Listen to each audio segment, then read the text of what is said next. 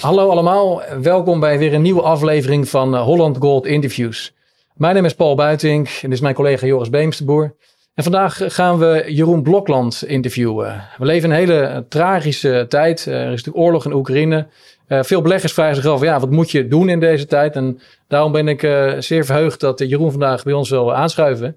Jeroen is voormalig topbelegger bij Robeco. En hij is sinds kort voor zichzelf begonnen met de True Insights. Jeroen, welkom. Welkom Jeroen. Leuk. Ja. Hi. Goed dat je bent. Ja, goed dat je bent. Want uh, er gebeurt op dit moment onwijs veel binnen de markt. En wat we ook zien op geopolitiek landschap verandert nu onwijs veel. Ja. Oorlog in Oekraïne. En op, binnen ons financiële systeem. Uh, nu hoorde ik een concept regelmatig voorbij komen genaamd SWIFT. Mhm. En dat is natuurlijk een telecommunicatiesysteem. Ja. Uh, dat uh, informatie over de transactie doorgeeft. Ja. Eh, kan je wat meer uitleggen over het SWIFT-systeem en waarom het zo belangrijk is? Nou ja, precies wat je zegt. Hè. Het, het, is eigenlijk niks meer dan een berichtensysteem. Alleen uh, heel veel afhandelingen van financiële transacties, uh, die, die zijn daarop gebaseerd. Hè, dus je moet informatie hebben. Hè. Dus als een lokale bank ergens iets doet, dan gaat het vaak via grotere banken, gaat het zo die financiële keten in. En daar heb je dat berichtensysteem uh, voor. Dus eigenlijk voor het afhandelen van transacties, lees dus ook betalen. Als je daar niet meer op zit, dan wordt dat dus heel moeilijk. Want je hebt dan die informatievoorziening niet om het juiste bedrag, nummer, noem het maar op. Hè, de, dat kun je zo technisch maken, denk ik, als je zelf wil. Um, en, dat, en dat is denk ik dus belangrijk dat je in dit geval Rusland eraf haalt. Dat je ze dus ja, eigenlijk um, tegenhoudt om de reguleringen, betalingen, uh, uh, het voor van alles en nog wat uh, te doen. Ja, dus als ik het goed begrijp, dan kunnen de, kan Rusland niet meer de betalingen uitvoeren. doordat zij niet meer informatie over de transactie kunnen doorgeven. Ja, maar en ook ontvangen. Het gaat vooral natuurlijk bij Rusland om uh, bedragen ontvangen. Hè? Dus, dus, dus, wat je wil tegenhouden is dat ze, dat ze gewoon in het algemeen transacties kunnen doen. Waar het uiteindelijk natuurlijk om gaat is dat Rusland dan dus moeilijker aan zijn geld komt of niet aan zijn uh, geld komt. Uh, daarom is dat is die discussie over wat sluit je daar dan op uit. Hè? Dus wat mag nog wel? Hè? Dat gaat dus nu vooral over energie en olie. Um, en daar is de discussie, want daar verdient Rusland natuurlijk veel van zijn geld aan. Hè. Dat zijn de belangrijkste exporten van Rusland. Als je dat ook uit zou zetten, dan wordt het voor Rusland nog moeilijker uh, uh, om, om financiële middelen te hebben. Ook omdat ze de centrale bank nu onder druk hebben gezet. Hè. Dus, dus dat, dat is heel simpel gezegd, denk ik, het idee. Sluit Rusland uit van het internationale betalingsverkeer. Ja. En die, dat, die, die, dat is, die stap is natuurlijk al genomen. En nu heb je ook uh, deels, deels. deels, genomen SPFS, dat is het uh, Russische systeem. Ja. En het CIPS, dat is het uh, Chinese transactiesysteem. Ja. wat is het verschil dan tussen die twee en het SWIFT? Nou, die technische inhoud, dat, dat, dat weet ik niet. Het, het, het gaat erom dat als je een alternatief systeem hebt dan kunnen je betalingen uh, of je financiële transacties weer doorgaan. Hè? Dus volgens mij heeft India ook nog iets geroepen over dat ze aan een alternatief uh, uh, werken. wat denk ik belangrijk is, wat wil een land als China nou hier eigenlijk mee zeggen? Kijk, dat Rusland werkt aan een eigen systeem.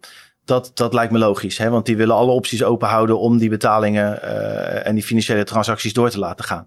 Je kunt je wel afvragen natuurlijk wat een land als China daar, daar nu mee wil. Hè? Want het gaat nu natuurlijk om één ding. Snijd je Rusland wel of niet af uh, van het internationale betalingsverkeer? En uh, hoe die dingen precies werken, dat, dat weet ik niet. Maar het is een alternatief berichtensysteem waarmee je alsnog dus de informatie van A naar B kunt krijgen. Ja. Uh, wat ik me al wel afvraag is, oké, wat betekent dat dan voor Europese en Amerikaanse betalingen die gewoon op SWIFT uh, blijven? Het, zijn die daar dan onderdeel van? Waarschijnlijk niet. Hè? Dus, dus hoeveel kom je daar dan verder mee? Dat, dat kan ik niet overzien. Nee. Sowieso verwacht ik dat het tijd nodig heeft om dat echt goed betrouwbaar, hè? zoiets zul je wel moeten versleutelen enzovoorts, om dat, om dat op te zetten. Ja, want dat merk je ook. En dat zal ook waarschijnlijk invloed hebben op de euro en de dollar. En natuurlijk de Russische valuta. Ja. Want je had een mooi artikel geschreven over time to sell the euro.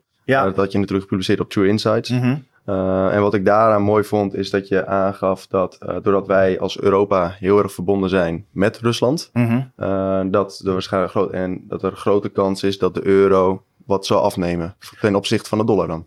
Ja, dus er zijn een aantal wegen waar langs dat gaat. Hè. Dus ik zal even één, één plaatje opzetten.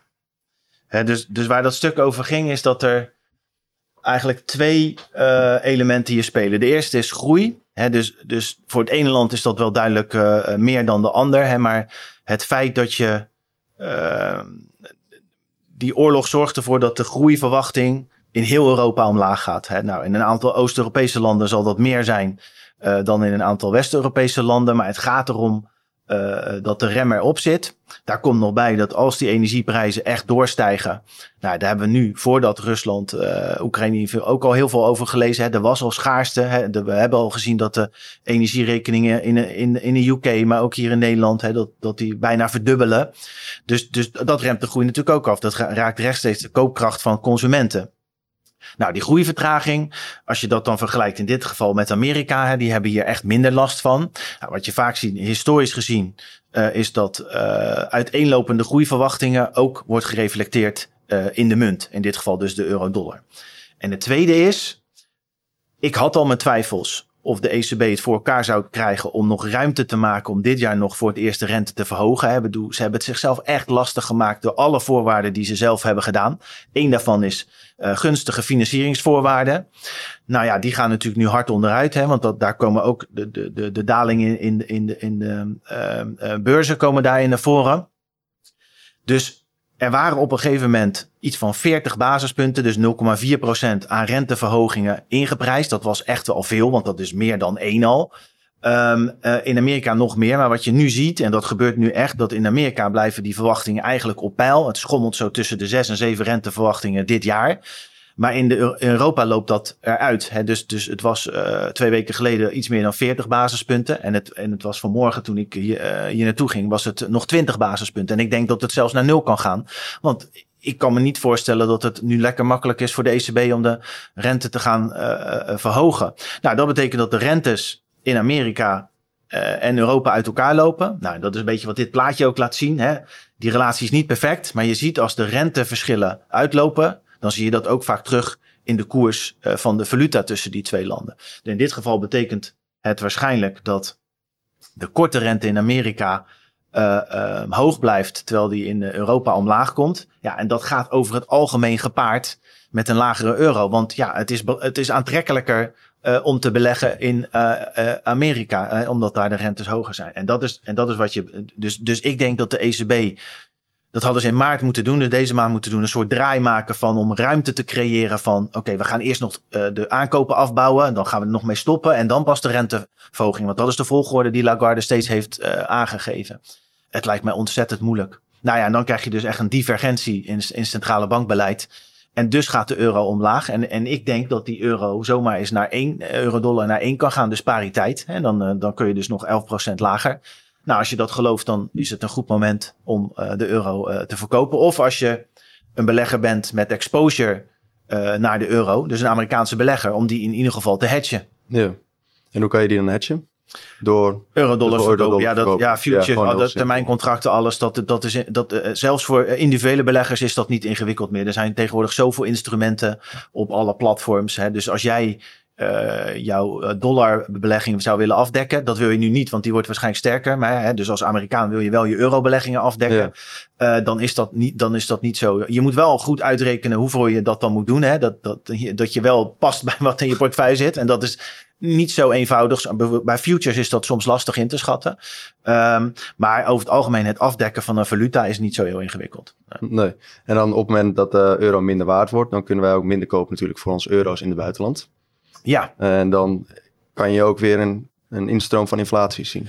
Nou, dus vanuit het buitenland ga je dan dus uh, inflatie importeren. Ja, ja. Hè? Dus, dus dat, is, dat is ook een beetje het, het, het lastige wat, wat hier zich. Uh, de, de, de stel, jij gaat als centrale bank um, de rente verhogen of het beleid verkrappen om die inflatie naar beneden te krijgen waarvan ik dan denk dat de ECB daar dus zeker nu met wat in Oekraïne gebeurt veel minder ruimte voor heeft dan de Fed. Dan nog kan het via een achterdeur, in dit geval inflatie via ja, exporten, eh, importen, uh, uh, kan je nog in, inflatie binnenhalen. Ja, en, en dat is precies waar Europa nu tegenaan kijkt. Ja. ja. En dan krijgen we dus aan de ene kant inflatie van de euro-dollar. dus dat de euro minder, dat je minder kan kopen. Ja. en aan de andere kant is natuurlijk dat wij ook volledig afhankelijk zijn, of voor een groot deel, volgens mij voor 35 procent afhankelijk zijn van de Russische toevoer van gas in Nederland. We hebben ja. het over het SWIFT-systeem gehad. Het SWIFT-systeem ja. kan natuurlijk zorgt ervoor dat de transacties tussen Nederland, het, wordt, het is nog niet bemoeilijkt, maar het, ze kunnen het doorzetten. Ja. Kan van die kant ook dan weer een gedeelte inflatie komen? Ja, ook omdat uh, je mag ervan uitgaan als je nu naar een, een kleine week kijkt uh, wat er gebeurt, dat uh, Poetin niet snel terugdeinst. Hè? Dus, dus, dus hij heeft ook al aangegeven dat de maatregelen en de sancties die nu genomen zijn, dat, dat, dat hij dat niet accepteert en dat hij dat ook min of meer als een oorlogsverklaring ziet. Dus de kans dat hij uh, een vergeldingsactie doet, ja, die mag je na wat er allemaal gebeurd is niet meer uitsluiten. En dat betekent dus uh, dat energieprijzen nog een keer veel hoger gaan. Um, um, en maar dat knelt tegelijkertijd dan ook de economische groei af. Hè? Dus, dus als dat de oorzaak is, als je heel zwart-wit zegt, oké, die oorlog zorgt er nu voor dat de consumentenbestedingen hier in, in West-Europa of in Nederland of Europa breed afnemen dan gaat de, de, de centrale bank op basis daarvan niet verhogen. Want dan maak je het probleem erger. Omdat het iets, ja, dat is een overkoepelend probleem. En dat is, uh, maar dat kan zeker, dat kan zeker gebeuren. Hè? De, dat dat uh, olie naar 150 dollar gaat of zo. Ja, dan krijg je dus eerst nog veel meer inflatie. Uh, wat dat er gaat, valt de reactie nu eigenlijk tot op zekere hoogte mee. Maar dat komt er dus omdat veel landen, waaronder Duitsland, eigenlijk het toch niet zo zien zitten om, om SWIFT dan ook maar op die olie- en gasbetalingen uh, uit te zetten. Hè, dus, dus dat, dat, dat uh, um, energieprijzen nog verder gaan stijgen, ja, die kans is zeker niet nul. Nee. Ja, we zijn eigenlijk te veel verbonden met Rusland om echt daadwerkelijk echt sancties te Ja, maar nu ga je in een heel politiek. Ja, ja, dat is waar. Ja, dat is waar. en, uh, ja, en, en, maar, maar dat is natuurlijk niet. Kijk, voordat Rusland inviel, zag je al dat de prijzen opliepen. Hè? We gingen al richting de 100 dollar. En dat komt omdat um, heel veel overheden en beleidsmakers die, die, die roepen altijd: we moeten naar een CO2-vrije uh, uh, uh, omgeving, economie. Helemaal waar. Hè? Dat, dat, dat is op zich denk ik een goed streven. Maar waar ze daarbij vooral op gefocust waren is van de een riep 2035 en de ander 2030. Ze rolden over elkaar heen. Maar hoe je nou van A naar Z komt, Hè, welke stappen je moet nemen om dat transitieproces in goede banen te leiden. Daar hebben ze veel te weinig over nagedacht. En één voorbeeld daarvan is dus traditionele energiebronnen versus nieuwe energiebronnen. Daar zit nu een enorm gat tussen. Als je dan niet investeert in de transitie, dan kun je dus dit soort situaties krijgen. En, en dat is iets dat de energieprijzen hoog zijn, is niet alleen de schuld van die oorlog of van Rusland of van de Oekraïne, maar, maar is ook al veroorzaakt door het te weinig investeren in die transitie.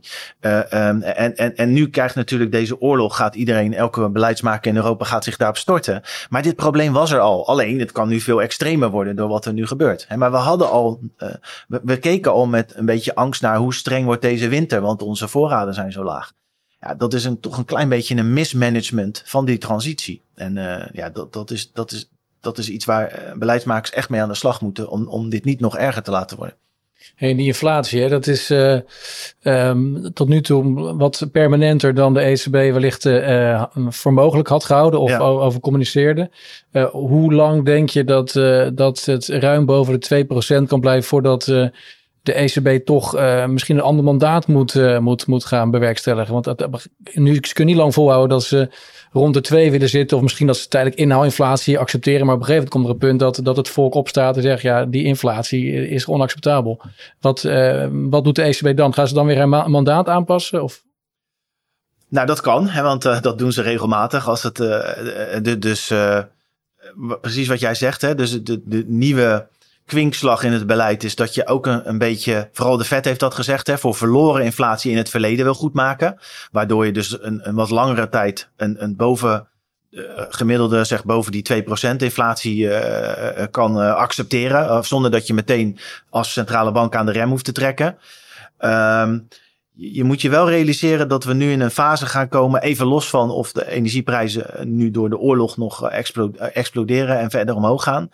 Maar als je, als je um, het pad waar we op zaten, en dat is ook wat dit plaatje laat zien, is, is dat die energieprijzen, maar andere basiseffecten en, en, en zaken, het oplossen van supply chain disruption, gingen de inflatiecijfers echt omlaag trekken.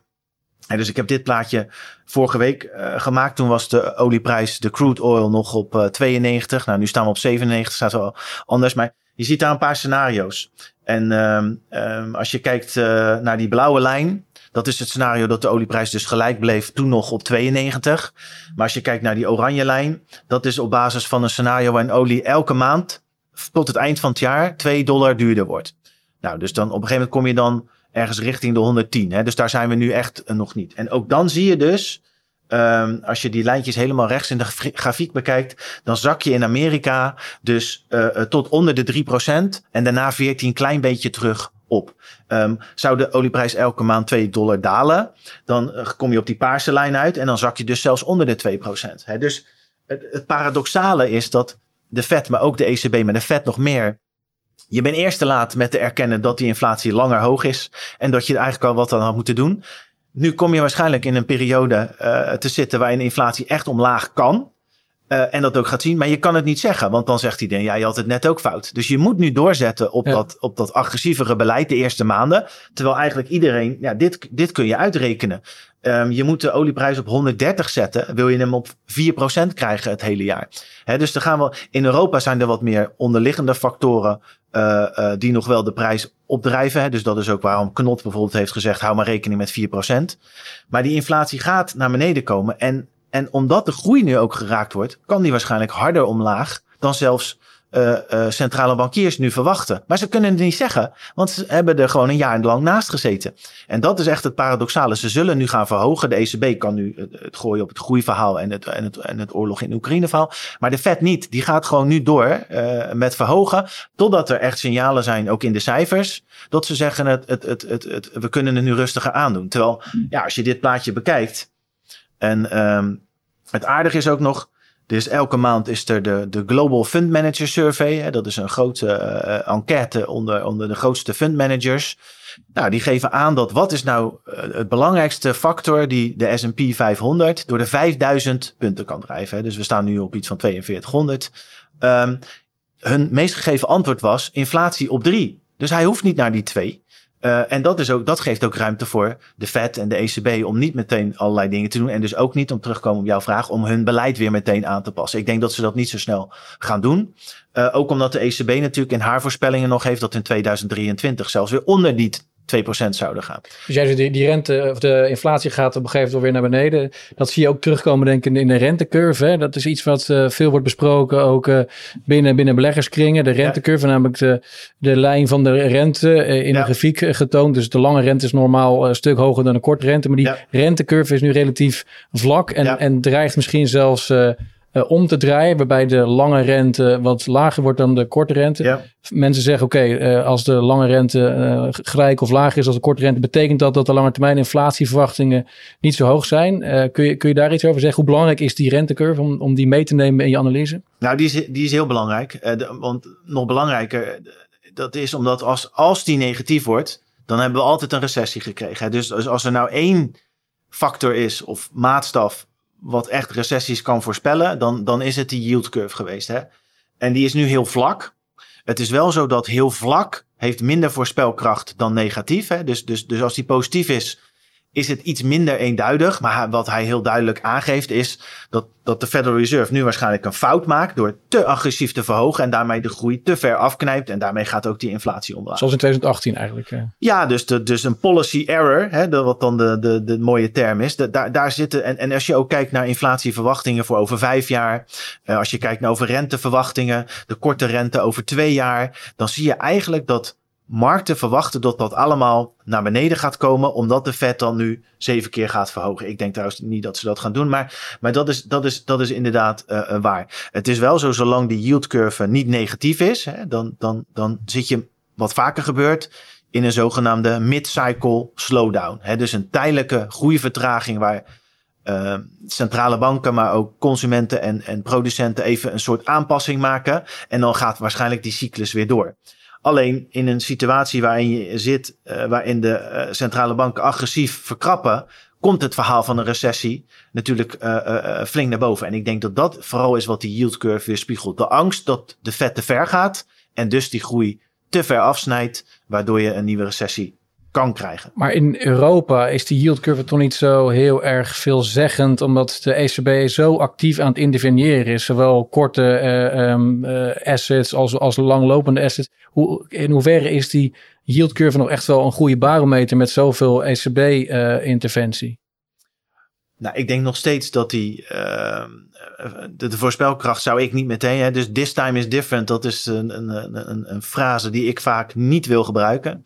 Uh, het is natuurlijk wel zo dat al dat opkopen een dempend effect heeft. Uh, op de yield curve. Ik denk meer dat het in de omvang zit. Hè, dus, dus waar je vaak ziet dat er bijvoorbeeld 200 basispunten, hè, dus 2% verschil zit tussen kort en lang.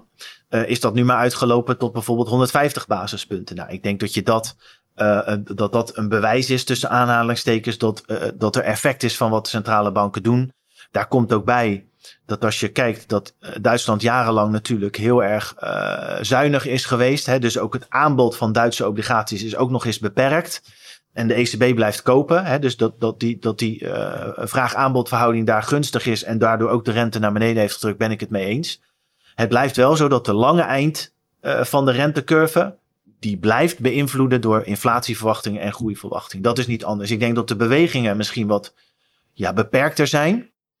Um, maar ik denk wel dat het signaal uh, overeind blijft. Overigens is het wel zo uh, dat in Europa sowieso die yieldcurve ook weer veel afhankelijker is van wat er in Amerika gebeurt. Hè? Dus als je nou zegt, wat is nou een goede uh, recessievoorspeller, dan zeg ik de Amerikaanse yieldcurve. En hier is dat alweer wat troebeler door de, door de link die er met Amerika is, maar ook Duitsland minder historie. De eurozone heeft minder historie. Hè? Dus daar is het wat minder eenduidig om te zeggen. Maar oké, ook hier is die, is die ver, uh, vervlakt, maar veel minder dan in de Verenigde Staten. Hè? Dus, dus, maar dat klopt ook, want de ECB werd hier verwacht dat ze dus een klein beetje gingen verhogen. En nu wordt dat alweer teruggenomen. Hè. Dus hier is dat hele agressieve beleid waarmee je de, de groei kan afknijpen, dat, dat is veel minder acuut. En ik geloof dus helemaal niet in dat de ja. ECB wat gaat doen. En ze moeten natuurlijk ook de, de financieringscondities favorable houden, om mijn eigen woorden ja, te gebruiken. Ja, dus, ja, ja, ja. Maar dat die, dat die Italiaanse spreads maar, maar te veel toenemen, dan, dan zal ECB direct weer... Uh, teruggrijpen op, uh, op haar uh, opkoopbeleid en, en, en, en renteverlaging, toch? Nou, dat is de interessante vraag. Maar de, de, ECB heeft zich ontzettend, het ontzettend moeilijk gemaakt door, door die, die, die, die gunstige financieringcondities. Die zijn geen vast onderdeel van het mandaat van de ECB. Hè. Die heeft Lagarde er zelf ingehaald. Lees, we moeten zorgen dat we niet een, een, een 2011 krijgen waarin Italië en Griekenland, en, maar ook de andere landen in Zuid-Europa dreigen om te vallen. Dus, maar omdat je dat nu hebt gezegd, ja, wat gaat elke belegger doen op het moment dat hij denkt, uh, ze gaan mijn verslaving hier uh, om zeep helpen. Ik wil liquiditeit, ik wil meer, meer, meer. Ja, dan ga je de markt testen of dan ga je de beleidsmakers testen. Dus, dus je ziet nu al dat die spread flink uitgelopen is. En markten gaan ongetwijfeld Lagarde testen op haar uitspraken op dit moment. Dus, dus ik denk dat het in hindsight niet zo heel erg handig was om dat telkens maar uh, um, um, um, zo te benadrukken. Inderdaad, precies wat jij zegt. Omdat er in Europa een makkelijker, makkelijke tool is. De Italiaanse bondspread. Om, om jouw onvrede, om het zo te zeggen, tot uiting te laten komen. Dus ja, dat, dat, dat is denk ik wel heel lastig. En, en als dat verder gaat dan nu, hè, want we, we zaten op een gegeven moment alweer dicht bij die 200 basispunten. Nou, uit 2011 weten we nog, nou bij 300 basispunten, dan wordt het echt vervelend. Dus daar zijn we echt nog wel, wel van weg. Uh, en de ECB kan natuurlijk ook nog, hè, die mag straks flexibeler gaan kopen. Dus geen Duitsland meer en alleen maar Italië. Hè. Dus het is niet meteen, maar het is zeker iets als, als de ECB een te agressieve houding zou nemen over het toekomstige monetaire beleid. Dan verwacht ik dat die spread uh, nog veel verder uitloopt. Gewoon om de ECB te dwingen. Oké, okay, als je echt wil, probeer maar. Zo. Schat u die kans groot? Dat het, uh, de ECB te hard in gaat grijpen? Nee. Nee. Nee, de, de, de, dus op een gegeven moment waren er 40 basispunten ingeprijsd. En waarom zeg ik 40 basispunten? Omdat de laatste stapjes van de ECB waren natuurlijk steeds 10 basispunten. Dus dan zou je vier renteverhogingen hebben. Maar ze kunnen ook weer terug naar een kwartje. Dus dat, hoe ze dat gaan doen is nog niet duidelijk. Maar ja, ik denk met wat er nu ook gebeurd is, die gaan dit jaar helemaal niks doen. En ik kan me ook niet voorstellen dat je nu in maart, we, we weten niet eens of er dan een staak tot vuur is of het nog erger is.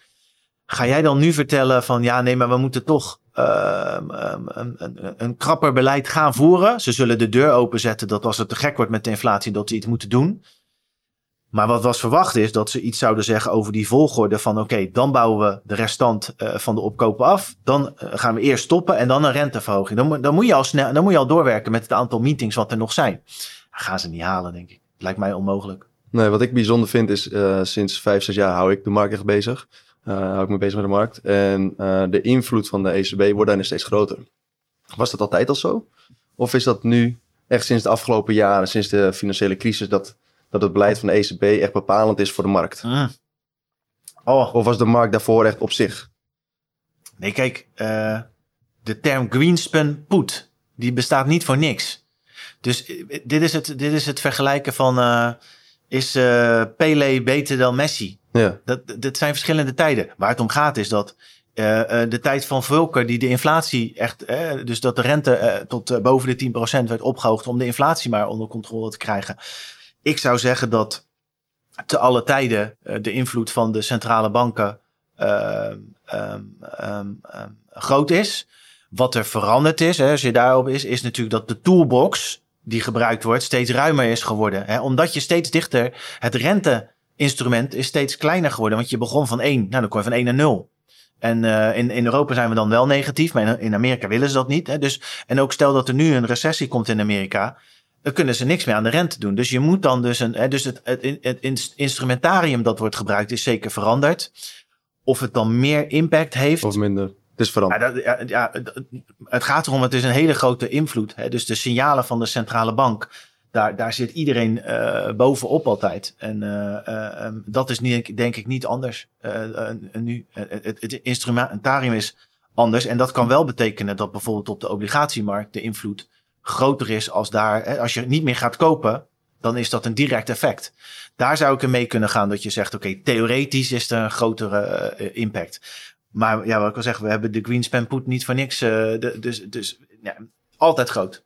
Ja, en wat, we, ehm, wat kan de belegger dan op dit moment doen? De markt is onwijs gek eigenlijk. En wanneer je verwacht, want je had een hele mooie tweet vandaag uh, opgestuurd dat je verwachtte dat de aandelen omlaag die ging omlaag. Je verwachtte dat de goud omhoog ging, die ging omhoog. Ja, En bitcoin en de obligaties stonden volgens mij ook in. ja. Eh, die deden, ging, gingen eens omlaag en volgens weer omhoog. ja de obligaties gingen omlaag. Om- dus de rente is, is gestegen. Terwijl normaal als, als mensen heel nerveus worden, dan zoeken ze veilige havens op. Ja. Goud is daar een voorbeeld van. En die heeft 6% gedaan in de laatste maand. Eh, Ja. Nou, dat is volledig conform verwachting. Of het nou 6 of 3 of 10 is. Maar het gaat om die, die heeft de rest van de markt eh eh eh, geoutperformed. De veilige haven. De veilige haven. En, en dat zijn Amerikaanse staatsobligaties ook. Alleen doordat die vet zo agressief is, zie je dat daar de lange staatsobligaties hadden ook min 3 gedaan. Nou, dat zou ik normaal gesproken in, in, in, in de volatiliteit die je nu ziet, zou je dat niet verwachten. En Bitcoin is het andere verhaal. Dat is een risky asset. Dus ga er maar vanuit dat als het heel erg eh, eh, spannend wordt op de beurs, gaat die doorgaans naar beneden. Mensen moeten daar niet voor weglopen. Het zit helemaal aan het eind van het spectrum van risico. Maar die ging natuurlijk de laatste dagen heel hard omhoog, om, omdat dan eh, ja, nu is een discussie begonnen van die, die, die positie van de dollar als de world reserve currency. Gaan we daar dan nu toch aan tanen? Ik denk het overigens mm, zeker nu niet. Ehm, en maar maar, maar daar, daar, dus je zag een aantal dingen die klopten helemaal. Hè? Olie omhoog, eh, eh, eh, goud omhoog. Maar ook een aantal dingen die niet klopten. Nou, en dat, dat is pas, pas bij wat jij zegt. Het gaat echt alle kanten op. Mijn idee is hier vrij simpel. Als de VIX boven de 30 staat, hè, dat betekent dat de volatiliteit enorm hoog is. Als je niks hoeft te doen, doe het vooral niet. Want als je ernaast zit, dan, eh, dan kan dat heel veel gevolgen hebben. Dus vorige week was er een dag dat de Nasdaq op een gegeven moment 3,5% lager stond, maar 3% hoger sloot. Als jij net op die 3,5% hebt verkocht, dan mis je dus 7%. 7% in een paar uur. Dus je moet je realiseren dat als je moet bewegen eh, in je portefeuille met zulke hoge volatiliteit, eh, doe het dan klein. En als je niet hoeft, helemaal, eh, helemaal niet. Eh, eh, en het tweede is natuurlijk, dat bewijst ook hier weer, en dat is natuurlijk mijn sport, dat als jij plus 100 en 0 doet, en aandelen alles erin en alles eruit, en je krijgt dan, dat, dat, dat, dat is geen spreiden, dat is niet beleggen, dat is gokken. Dus als jij denkt dat je een goede portefeuille hebt van 60% aandelen of 70, dan kan je een keer als je het heel somber inziet naar 50 of 60 gaan. Of je kan een keer als je heel, heel enthousiast bent naar 80 gaan. Maar hou er wel rekening mee dat je niet alles erin en uit. En, dat, is, dat is vooral het, eh, het, het advies. Het tweede is natuurlijk wel een beetje waar je vandaan komt. Hè? Dus kijk, wij zitten overwogen grondstoffen nu. Dus ik, ik hoef niet zo nodig wat te doen. Dat is precies waar ik me op gepositioneerd heb. Dat als het echt misgaat, dan gaat, gaan die omhoog. Heb ik tenminste nog een beetje een doekje voor het bloeden. Maar als je helemaal mis zit, ja, dan moet je schakelen. Maar ja, verdeel dat wel en doe niet alles in één keer. Want je ziet je zo'n dag als eh, vorige week, dan, eh, dan gaat het heel hard. Ja, een analist als David Costa die gaf ook aan dat er nu een, een, een omswitch is van uh, growth stocks naar value Oh ja, oh, daar heb ik ook een plaatje van. Ja, ga verder. Uh, jij gaf aan dat je ook natuurlijk steeds meer in grondstoffen zit. Uh, wat zijn andere aspecten? Wat, kan je eerst trouwens het verschil uitleggen tussen growth stocks en value stocks? Voor de kijker? Nou, vooral de waardering. Dus dat is dit plaatje. Ja. oh ja, ja. ja nou, over het algemeen uh, groeiaandelen. Kijk, het is maar een definitie. Hè, maar dat zijn aandelen die over een iets langere periode een relatief hoge groei van met name hun omzetten. Die winsten zijn nog niet zo belangrijk, want ja, dat, daar kunnen ze nog in groeien. Maar uh, dat, zijn, dat zijn omzetten. Eigenlijk is het nog beter zo dat het bedrijven zijn waarvan beleggers denken dat ze heel hard gaan groeien. Want dat is namelijk niet altijd het geval. En uh, uh, waardeaandelen, dat zijn de saaie bedrijven. neem een, een Ahold, hè, waar, de, waar, de, waar de omzetgroei paar procent per jaar is. Maar die ook een hele sterke vaste uh, winstinkomsten uh, hebben. Hè? Dus de, die zijn op het oog misschien minder uh, spannend. Ehm, maar op het moment dat het helemaal misgaat, doen die het vaak beter. dan waarde, dan groeiaandelen. Hoe zit het met die, met die techbedrijven die al een tijdje bestaan en goed winstgevend zijn, zoals Microsoft of Google? Zijn het dan ja. waardeaandelen of, of groeiaandelen? Nou, dat is een hele goede vraag. Hè? Dus, dus Apple is in mijn optiek een tijd lang net zo goed een value stock geweest. En ik moet ook zeggen dat de MSCI, hier staan dan de waarderingen uh, van de MSCI, die kan een bedrijf ook indelen als zoveel groeielementen en zoveel value. Hè? Dus, je, dus je kunt in allebei de indices uh, zitten. Het is niet, je bent of de ene of de ander. Waar het om gaat is, in de praktijk komt het hierop neer dat er heel veel groei is technologie. En heel veel value is, is, is mining en, en grondstoffen en, en, en uh, voeding. En, uh, maar wat belangrijk is, is dat die een zijn altijd veel duurder dan de ander. Want ze noemen het groei en value. Je kan net zo goed expensive en cheap. Uh, die, gelukkig heet die ene ook value. En dit is het plaatje hoe het er nu uitziet. Dus groei is altijd duurder. maar het is nu extreem veel duurder. Hè? En, en dat is natuurlijk niet lekker als de rente omhoog gaat. Hè? Want als de rente omhoog gaat, dat is de verdiscount teringsvoet van je winsten.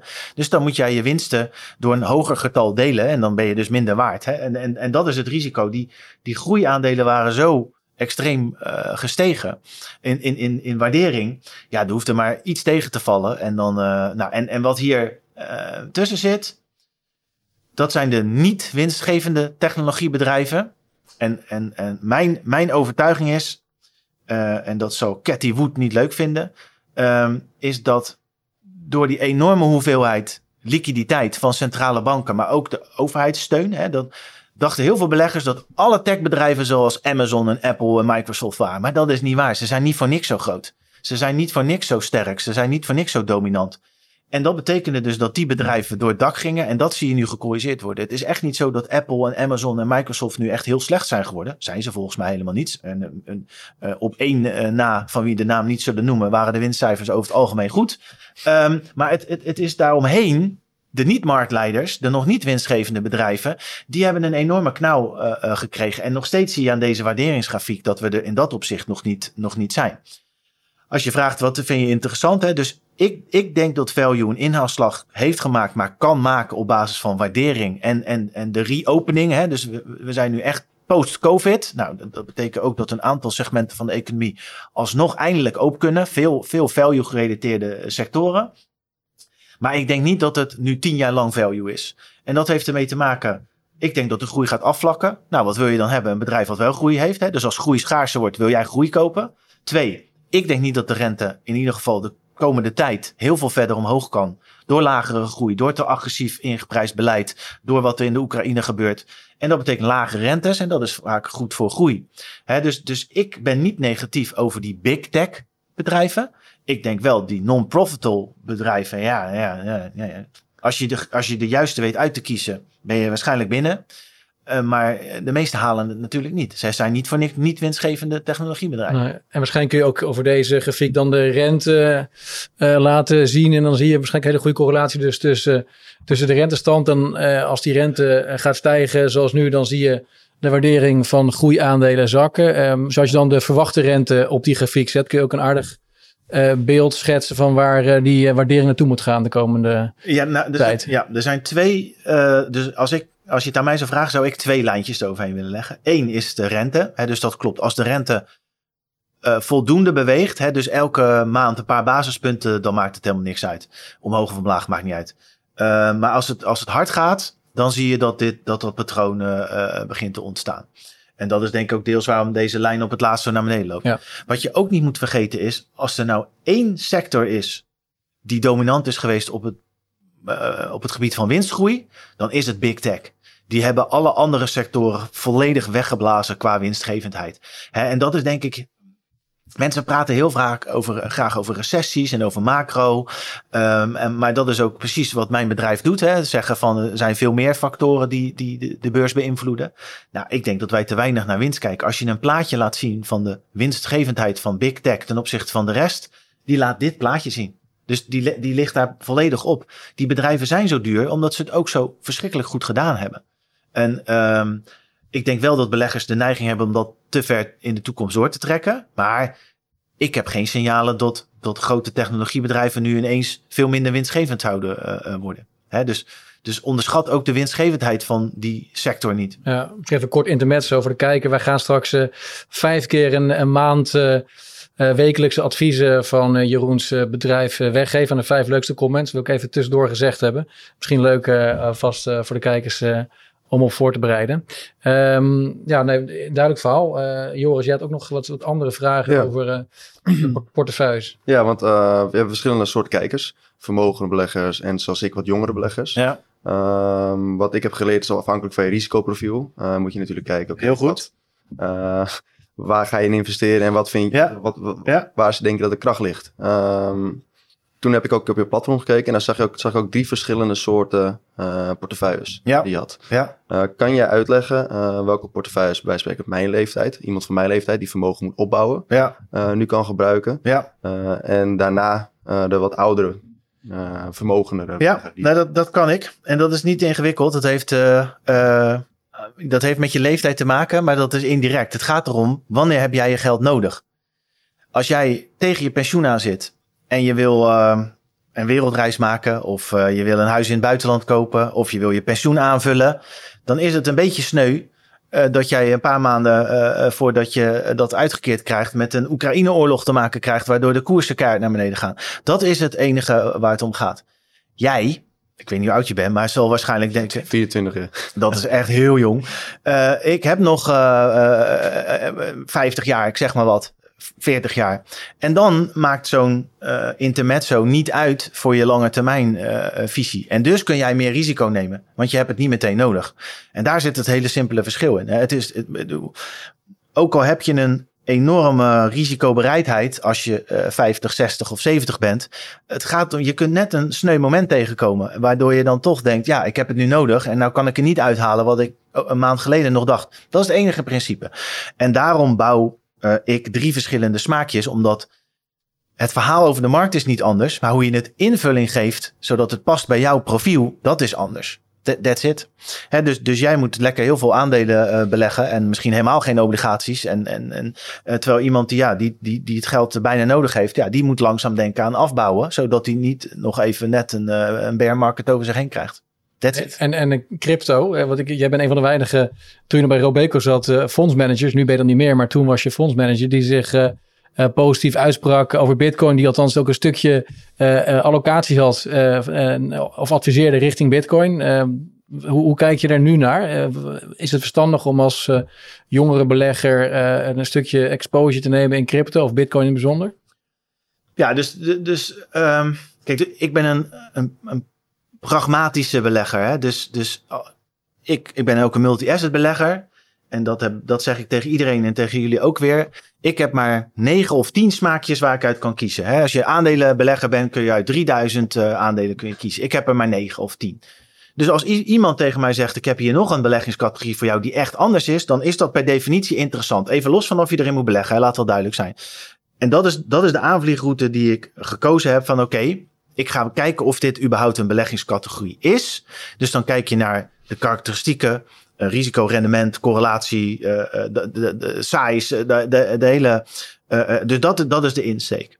Nou, waar ik in geloof, is dat um, steeds meer beleggers um, zoeken naar iets buiten de geëffende paden En daar hebben ze soms hele verkeerde beelden bij, laat, laat me dat duidelijk zijn. Maar iets om het tastbaar te maken dat zegt, ja, wat blijft nou overeind als we inderdaad een situatie krijgen waarin inflatie uh, fiat currency, hè, daar gaat het dan over, hè, uh, uitholt.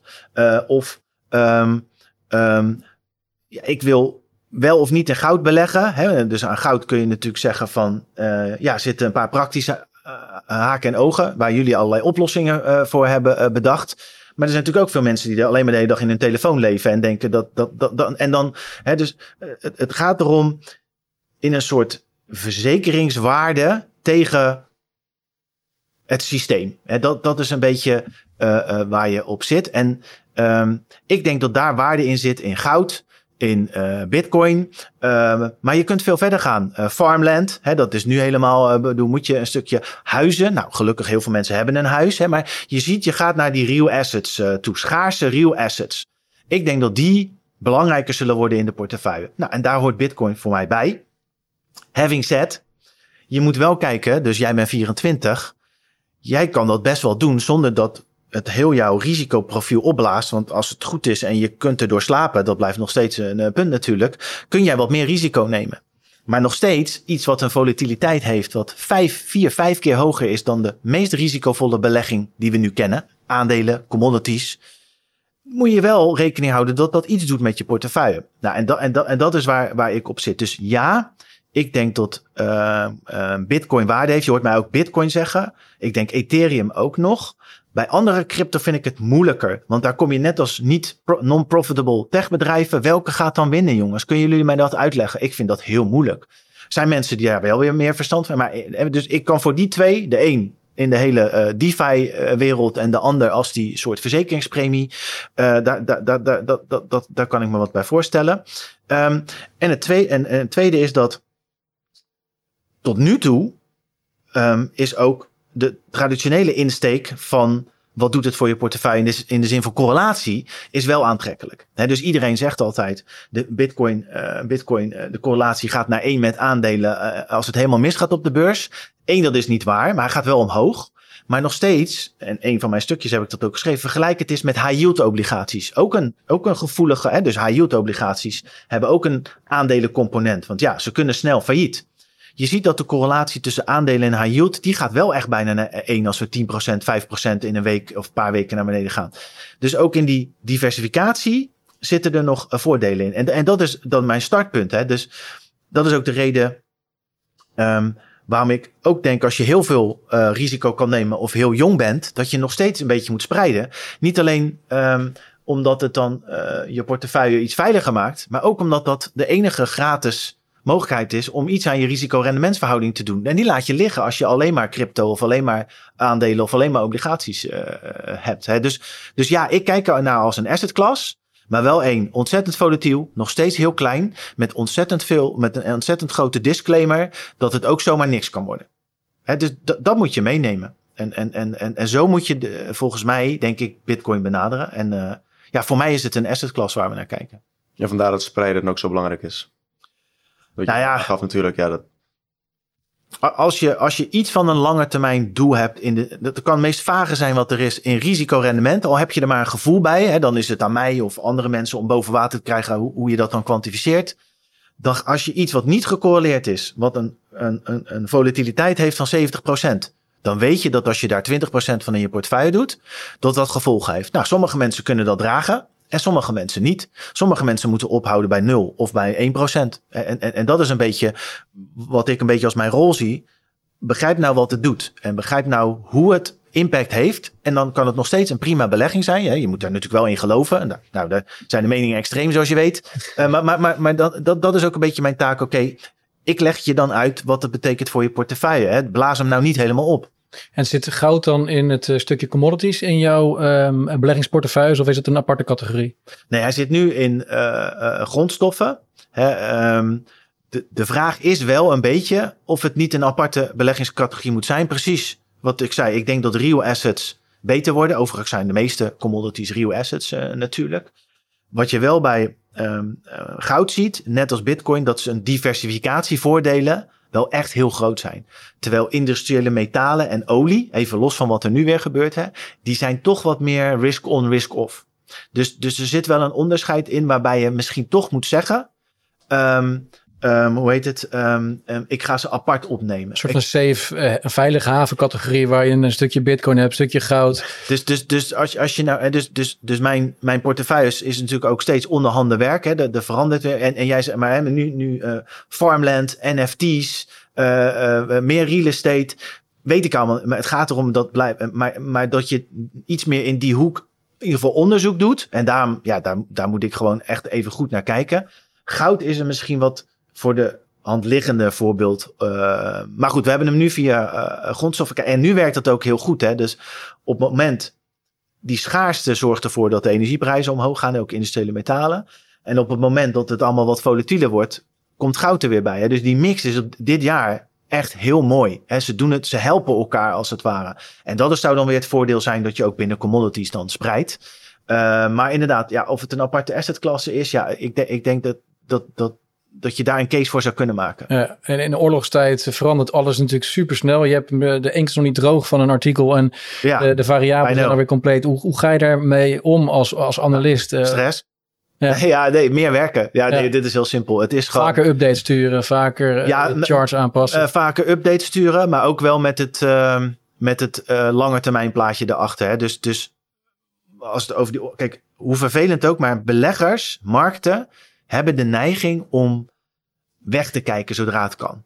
Dus dat, dat, dat, was met de Krim ook en, en allerlei andere dingen. Op het moment dat het stabiliseert, op wat voor niveau dan ook, dan, dan is vaak al het hoogtepunt van de angst van beleggers of markten is al voorbij.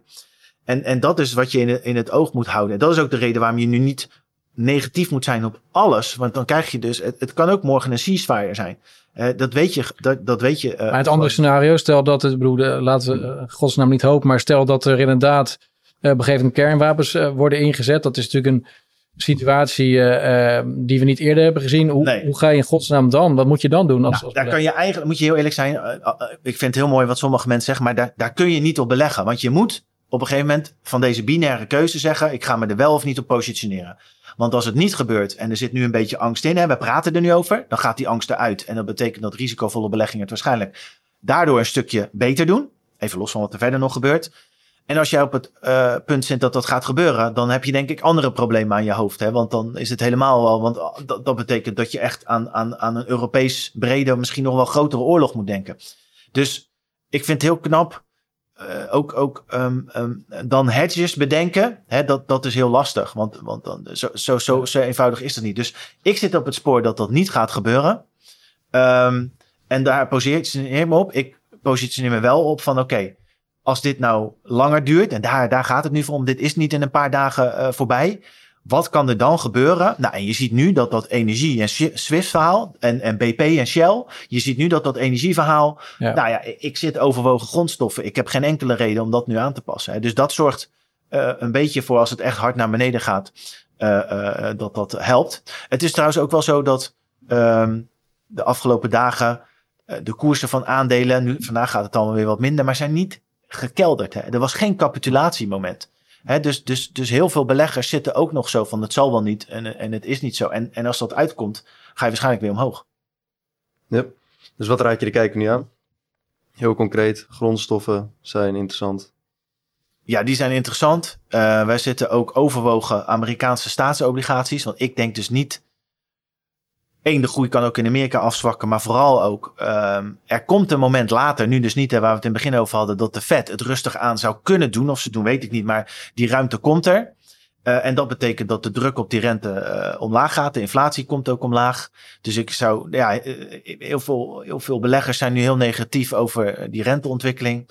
Ik, ik denk dat dat wel meevalt. En verder zitten we wel onderwogen um, andere risky assets. Hè. Dus dus uh, local currency, emerging market debt, hè, dus staatsobligaties. Uh, ja, nou ja, wat je nu met de roebel hebt gezien. Maar er zijn ook contagion effecten. Daar zou ik voorzichtig mee zijn. we zitten onderwogen high yield obligaties, want de spreads zijn nog steeds heel laag. Als je ziet wat er nu met die financial conditions gebeurt. Um, dus dat is een beetje de, de, de, de positionering die we nu hebben. Een tilt naar die real assets, hè, dus ook inflation-linked bonds.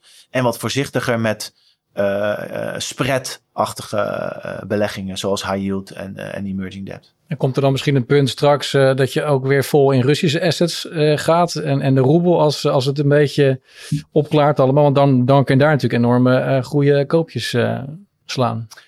Ja, daar heb ik nog niet goed over na. Kijk, één is het zo, uh, dus, dus mijn portefeuilles zijn globaal, hè, dus MSCI wereld. En, uh, dus Rusland heeft een gewicht van, nou nu niet eens meer, maar dat was 0,4 uh, voordat deze ellende begon.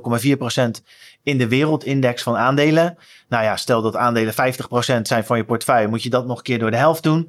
Hè, dus dus, dus je, je, kunt, je moet ook kijken, wat voor tracking error heb ik dan? En, en het belangrijkste is, ik denk dat er nu een soort um, beweging komt om Russische bedrijven, of het nou over voetbalshirts of uh, uh, projecten, dat, dat, dat, dat, Rusland ook hierna op allerlei mogelijke economische gebieden uh, de halt wordt toe, toe, toe, Ik denk dat dat de insteek is van Europa en zijn, zijn partners.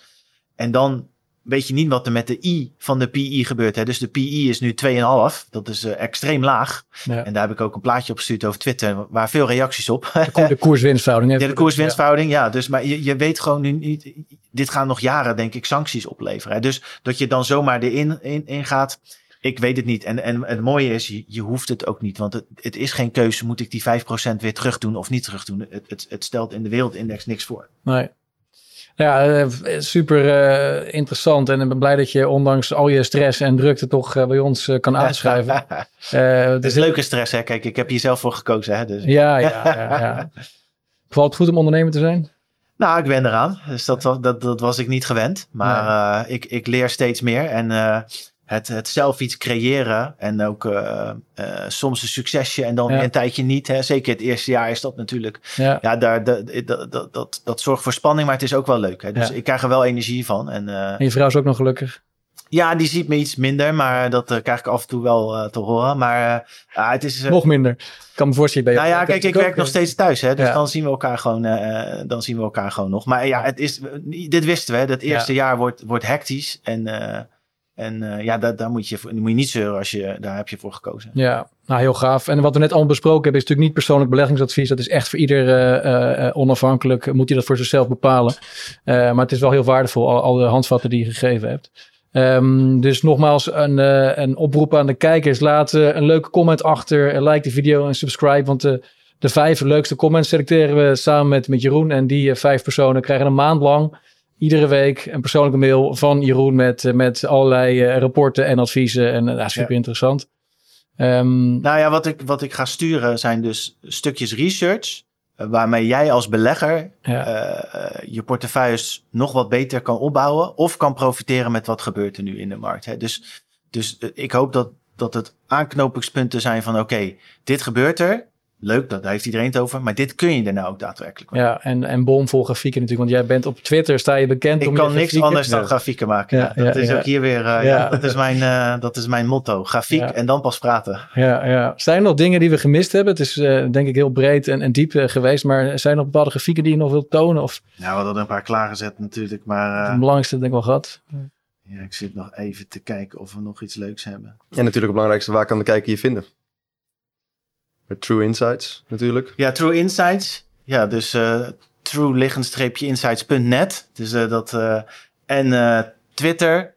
En ja, je, je, kunt me een berichtje sturen als je op de website bent. Als je, als je meer informatie wil over de abonnementen die we hebben, over de research die we maken. ja, ik zou zeggen, zoek de website even op. Ja, oh, deze is ook nog wel leuk. als, als, als uitsmijter, ja. toetje nog even dan. Ja. Want veel van onze kijkers natuurlijk geïnteresseerd zijn in goud. Ja. The price of gold versus inflation.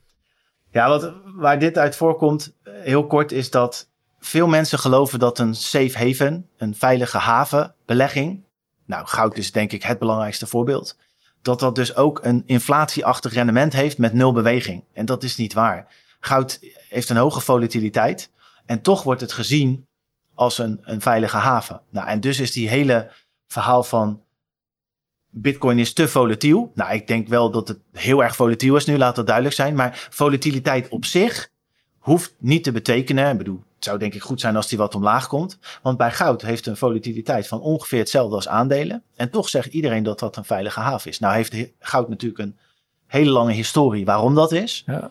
Ehm, maar dat je dus verwacht dat het dan ook heel weinig beweegt, dat is een utopie. Oké, nou dat is interessant om uh, dan nog... Uh, om daar verder nog over na te denken. Super bedankt, Jeroen. Ja. ik vond het heel waardevol. En laten we dit ja, nog een keer doen in de toekomst. Ja, is goed. Oké. Dankjewel.